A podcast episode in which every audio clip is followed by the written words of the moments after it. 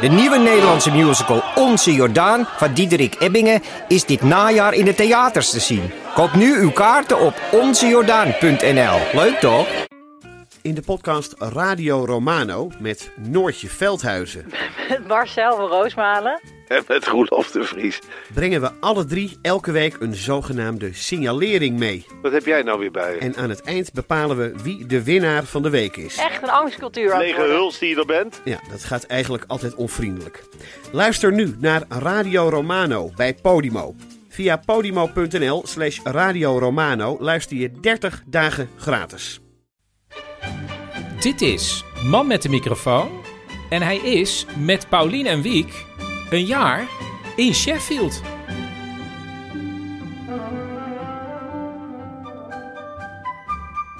Er was al een begin van deze aflevering, maar het blijkt, ja, misschien gebeurt er heel veel. Ik was eigenlijk vergeten, Paulien, we zouden beginnen en daarom plak ik dit er nog even later voor. Ehm, Maar horen ze dit dan nu als Dit eerste? horen ze nu Dan als weet ik eerste. helemaal niet dat dit er later voor nee, weet, maar het is misschien leuk om mensen daarin te betrekken. Ehm, we zouden nog even terugkomen op het feit dat jij dus even op en neer moest naar Parijs met de trein om een stempel te halen in je paspoort. Hoe was Parijs? Fantastisch. Ja, eh, het woord hallucinant is, is, wordt misschien te veel gebruikt, maar dat was het echt. Een zonnige middag in Parijs, alles was mooi. Er waren heel veel winkels met heel veel verschillende soorten spullen. Dacht ik, ja, eh, nog geen charity shop gezien. Dus het was heel anders dan Sheffield. Ja, want ik zat me later ook te bedenken, je hebt helemaal niet veel eh, duurdere kledingwinkels hier. niet dat wij hebben kunnen ontdekken. Zijn we natuurlijk ook niet heel erg op gefocust. Maar het was in, in Parijs in ieder geval, ja, totaal cliché, maar ik ben nu, nu we hier een tijdje zitten. Het, het contrast tussen Amsterdam en Parijs is minder groot dan tussen Sheffield en Parijs. Dus dat was eigenlijk heel leuk. Maar ik dacht tegelijkertijd, late capitalism, dacht ik. Want al die mensen die allemaal spullen aan het kopen zijn. En waar komen die spullen dan weer terecht? En hier in Sheffield weet je waar het terecht komt. In de charity shop. Is dat niet eigenlijk waar we naartoe moeten met z'n allen? Dus ik kreeg ook een soort van verdedigingsmechanisme. Zo van, nee, misschien is in Sheffield eigenlijk waar het nu gebeurt. Ja, dat vind ik, en dat is goed om dit, zullen we maar zeggen, dit is dus dan een soort proloog. Ja. En dan gaan we dan nu echt beginnen. We zitten op de bank met z'n drieën. Wiek is naar school. Links van mij zit Paulien. En rechts van mij zit mijn zoon Teun van 19. Want die is een week in Sheffield. Hallo. Ja. Hoe vind jij Sheffield? Ehm, anders. Het is een heel andere wereld dan eh, Amsterdam. Maar dat kan je verwachten van een andere stad en een ander land. En wat vind je het leuke van Sheffield? En de natuur eromheen, vooral. En Teun, je bent eh, in je eentje al eh, een hele dag op pad geweest met de bus. En welke bus heb je genomen? Eh, de bus naar Bakewell, de 257. Eh, en daar, daar kan je een uur in zitten en dan kom je in Bakewell aan. En dat kost dus maar 2 pond. Wat heb je gedaan? Ik heb gewandeld. En? Ik, op een gegeven moment stuurde je namelijk foto's naar mij van... eh, ik heb de mooiste plek op aarde ontdekt. Dat klopt. Ik was in Bakewell een kant op gelopen. En toen kwam ik een heuvel op. En toen de heuvel overheen. En toen de heuvel af. En nog meer af. En toen weer een heuvel op. Toen weer af. Zo gaat het in Engeland. En toen kwam er opeens een, een soort van kasteel tevoorschijn. Zo'n landgoedhuis. En daarbij was een dorpje. En dat was een heel mooi dorpje. Met een heel mooie kerk. Het was echt het meest pittoreske plaatsje ooit.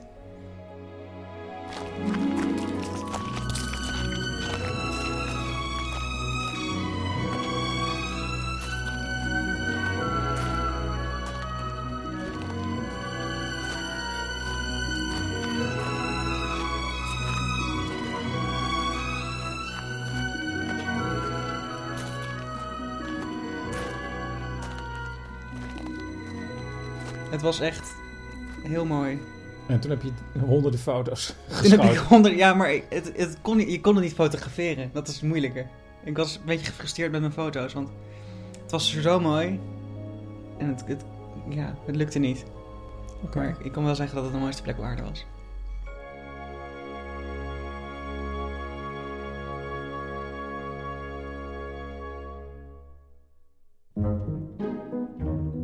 Een beetje van Wiek. Een klein beetje van Wiek. Een krokodil.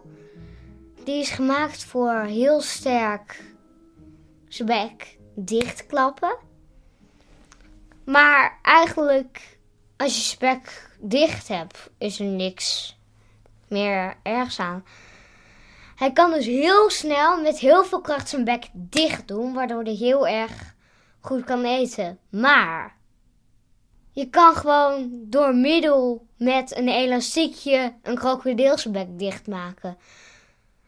Ja, ik denk dat er misschien wel tv-series zijn waar je dan zo'n jungle uh, ziet. En dat er dan zo'n man is die met een heel sterk touw zo'n krokodillenbek dichtmaakt. Dan heeft die man voor niks een heel duur touw gekocht of gemaakt. Terwijl hij gewoon een elastiekje kon kopen. Al is dat natuurlijk wel moeilijk in de jungle. Nou, dat was het beetje van Wiek.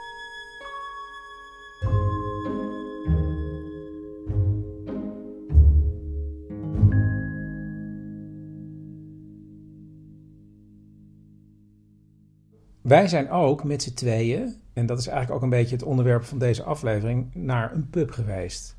Omdat ik zei, Teun, jij houdt heel erg van muziek. Heb ik uitgezocht een, uh, een band, de Paul McKenna Band. Nou, ik zou zeggen, mocht Paul in jouw buurt optreden, ga erheen, want het is geweldige muziek.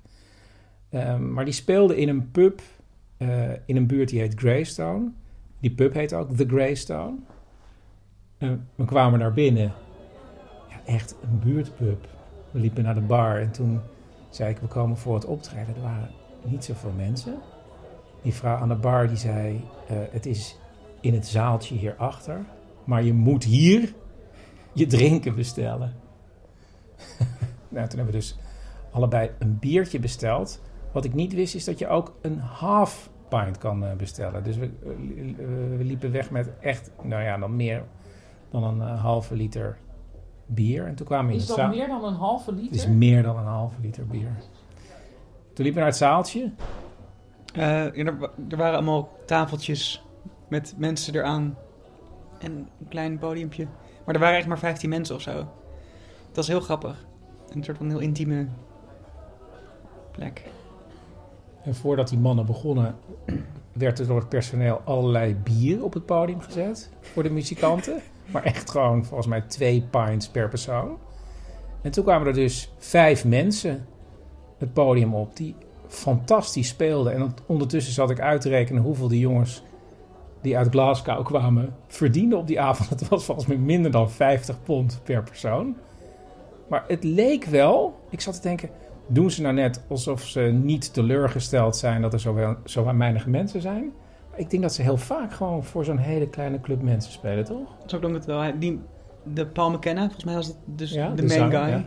Ehm, ze waren ergens geweest waar ze echt gewoon voor niemand speelden, zo'n beetje. Zou het niet leuk zijn als luisteraars van Man met Microfoon dan nu allemaal de Paul McKenna band op gaan zoeken en dat gaan afspelen op Spotify, zodat Paul McKenna ineens een soort van piek ziet in, Nederland. Ja, maar het is echt dus hele leuke muziek.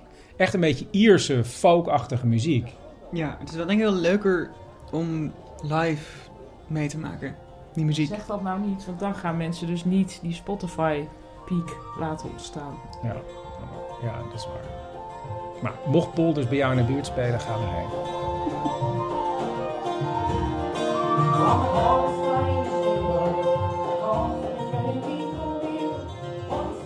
Het draait in Engeland zoveel om de pub uh, dat ik me bedacht, ja, we hebben zelfs uh, een wandelboekje waar we een wandeling uitgemaakt hebben, wat ook weer een pubwandeling was. Dus dan begonnen we bij een pub en dan liepen we 7,5 mijl en dan kwamen we uiteindelijk weer terug bij de pub. Maar dat boekje heet ook pubwandelingen, hè? Ja, maar de, het ligt vol in de boekwinkel met pubwandelingen. Ja, ja, ja. Dat is echt belangrijk, de pub. Ja. Ik weet niet of je het zelf erg vindt, maar je zei, ik bedacht me. Maar als je het niet erg vindt wat het wordt, inmiddels standaard Nederlands, dat maakt niet uit. Ik besef me, zeg ik ook. Ja, maar het maakt mij niet. Maar ik zeg even voor het geval je het wil verbeteren.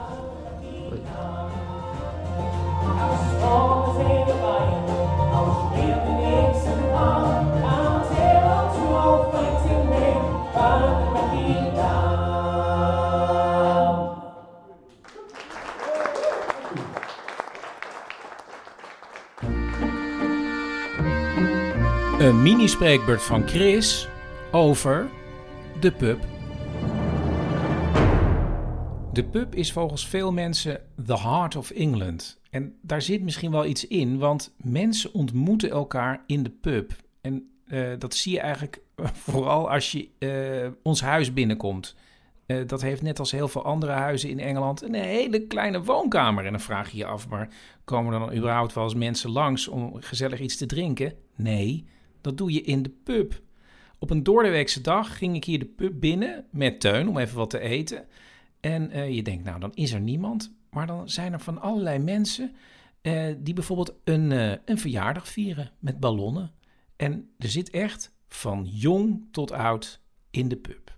Maar wanneer werd er nou voor het eerst over een pub gesproken? Nou, dat was in de laat 17e eeuw. Um, want je had in die tijd heel veel privé-gelegenheden waar mensen bij elkaar kwamen. Maar toen had je de pub en dat betekende een gebouw dat publiekelijk toegankelijk is, waar je niet verplicht bent iets te eten en waar in ieder geval één ruimte is waar je kan drinken. En dat drinken, dat haal je aan de bar. De pub is dus jonger uh, dan bijvoorbeeld de Tavern of the Inn. Uh, die zijn eigenlijk ontstaan vanaf de tijd van de Romeinen. Die legden hier in Engeland allemaal wegen aan, gingen mensen op reis en moesten ze onderweg ergens rusten en iets eten of drinken. Nou, dat kon dan in de tavern. En als je dan ook nog wilde slapen, dat kon in een inn. Dan moet ik toegeven dat die termen inmiddels een beetje door elkaar heen gebruikt worden. Maar uh, dat slapen, dat zit bijvoorbeeld nog in de hotelketen Holiday Inn. Maar goed, we hadden het over de pub. De pub zoals wij die kennen is eigenlijk ontstaan in de vroeg 19e eeuw, uh, toen de industrialisatie opkwam. Uh, veel mensen trokken naar de stad, hadden behoefte aan sociale contacten, hadden behoefte aan bier. Voilà, de pub was ontstaan en groeide en groeide. En in de 20ste eeuw groeide die ook nog door aan het begin, maar aan het eind van de 20ste eeuw had de pub het al behoorlijk moeilijk. Uh, bijvoorbeeld vanaf de jaren 80 kan je echt zien dat het aantal pubs afnam. Hoe kwam dat dan? Uh, nou, inmiddels is het roken verboden in een pub. Dat zou kunnen betekenen dat er minder mensen komen. Uh, er kwam goedkope alcohol in de supermarkten. Er was concurrentie van de wat chicere gastropubs. Um, van 2002 tot 2017 is in Londen een kwart van de pubs verdwenen. En de COVID-pandemie hakte er heel hard in hier in, uh, in Engeland. Um, want daarna kwam er ook nog een enorme inflatie. Het is in ieder geval nu zo dat in Wales en Engeland zijn bijna 40.000 pubs, maar per dag verdwijnen er twee. En pubs doen van alles om het publiek binnen te krijgen. Dat zie je dan ook op borden die ervoor staan. Dat er bijvoorbeeld op een dode avond uh, darten is of uh, gratis poelen. En natuurlijk ook de pubquiz. Nu heel populair in Nederland. Maar die komt uit Engeland. En die is hier eigenlijk pas heel groot geworden in de jaren 70. Er waren wel her en der wat kleine quizjes, maar in de jaren 70 waren er twee mensen die de grote brouwerij gingen benaderen om op dode avonden quizzen te organiseren. En dat waren Sharon Burns en Tom Porter. Die begonnen in Hampshire en Dorset met 32 teams die tegen elkaar gingen strijden. Dan uh, kregen ze enveloppen opgestuurd met vragen en uh, de week erop met de uitslag en welk team gewonnen had. En binnen no time was Burns Porter een gigantisch bedrijf dat voor meer dan 10.000 teams quizzen organiseerde. En ze gaven ook uiteindelijk quizboeken uit en ze werden door de BBC gecontracteerd om mee te helpen met een soort pubquiz-achtige variant op televisie. Kortom, ze zijn er enorm mee binnengelopen. En het werd zo groot dat het uiteindelijk ook uh, oversloeg, de pubquiz, naar Nederland.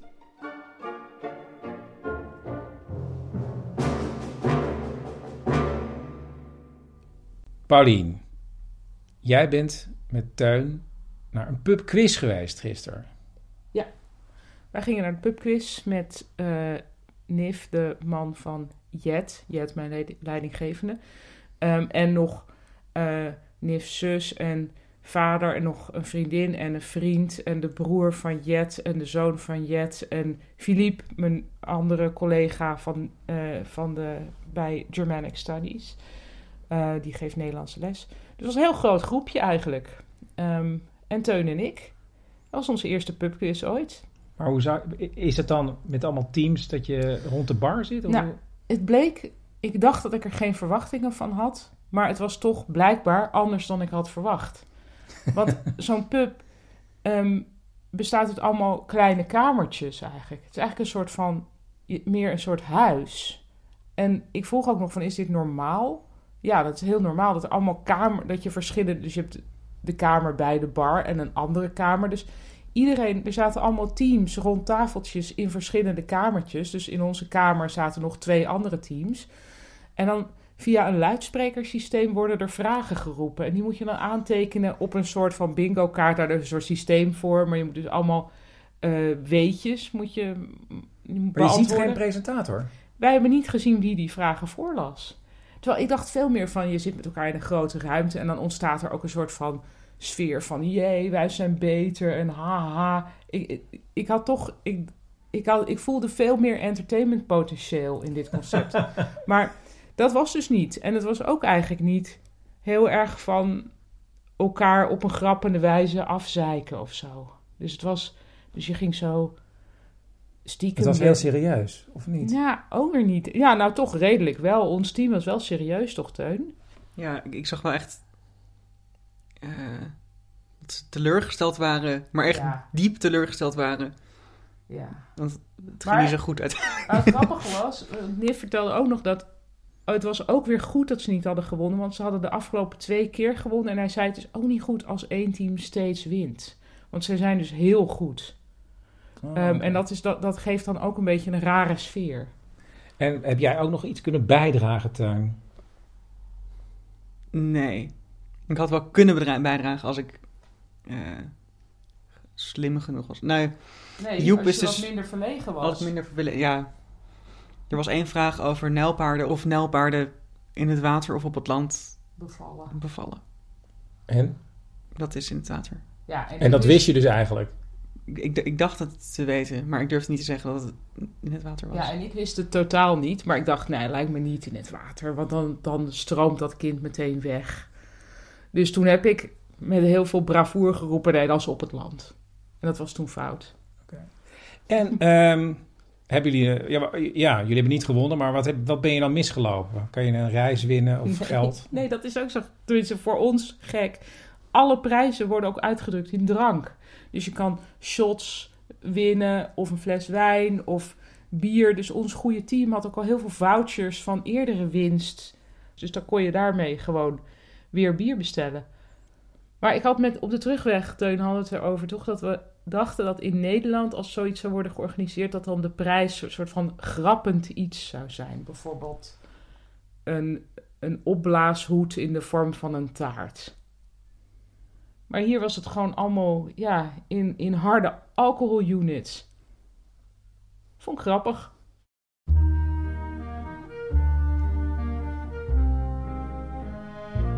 Dat heeft nog nooit iemand mij verteld. Dat hebben ze je nog nooit verteld? Nee, niemand. Ja. Maar ja, waarom zouden ze ook? Ja, precies. Waarom zouden ze ook?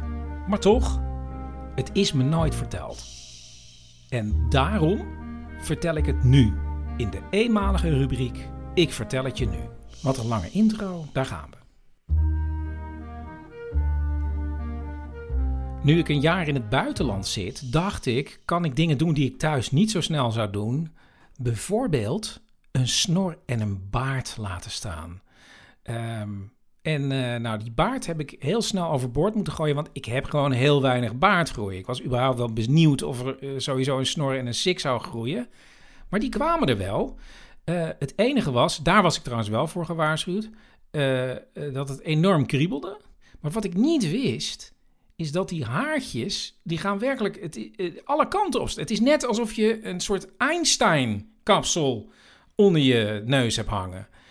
En, uh, en het kriebelde maar. En ik dacht, ja, het zou nou veel fijner zijn als je gewoon die haartjes gewoon heel lekker naar beneden kon uh, kammen. Toen dacht ik, wacht even, er moet gewoon, er moet een snorrenkam bestaan. Maar daar heeft niemand het over natuurlijk. En toen ging ik in huis zoeken naar uh, wat een snorrenkam zou kunnen zijn. En toen kwam ik in de badkamer. En toen zag ik hem daar liggen. En toen pakte ik hem. En verdomd, ik borstelde geweldig over mijn snor met mijn tandenborstel. It's oh so. En het eerste wat ik dacht was: oh so dit doen heel veel mannen, maar niemand heeft het over.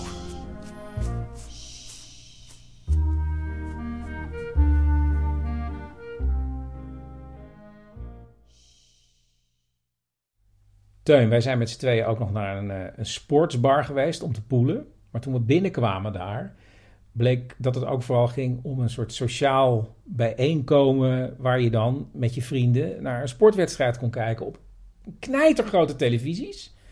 Uh, en er zaten veel mensen voor die televisies, maar die keken dan naar twee verschillende wedstrijden. Dus er was één wedstrijd van Sheffield United, de voetbalclub, die speelde. En er was ook een interlandwedstrijd van uh, het Schotse rugbyteam. En die televisies ja, stonden gewoon allebei keihard aan. Het enige waarvan ik dacht van het was niet heel enthousiast publiek. Ze zaten heel stil voor die voetbaltelevisie. en dat klopt. nou ja, het kwam maar op neer. Ze stonden echt toen wij binnenkwamen met 2-0 achter. Toen werd het al 3-0. Toen liepen er een paar mensen weg. Uh, toen werd het nog stiller. Uiteindelijk heeft Sheffield United verloren, terwijl wij aan het poelen waren, met 8-0. En het is ook de eerste Premier League wedstrijd waarbij acht verschillende spelers hebben gescoord. Dus het was ook nog een soort historische wedstrijd. Het grappige is, later kregen we van iemand een mail opgestuurd met een foto van een vrouw, een supporter van Sheffield United. Die was, toen het 7-0 was, een boek gaan lezen. En je ziet ook dat ze net begonnen is in een heel dik boek. Ik heb nog geprobeerd te kijken welk boek het is, maar dat kon ik niet achterhalen. Tot zover deze aflevering. We zijn er volgende week weer. Uh, reacties kun je sturen naar mammetdemicrofoon.gmail.com. Ik zou zeggen, laat recensies achter in de iTunes Store, want dat helpt echt. En dan zie ik jullie volgende week. Dan zie ik jullie volgende week. Ja, uh, kom op. Uh, tot volgende week.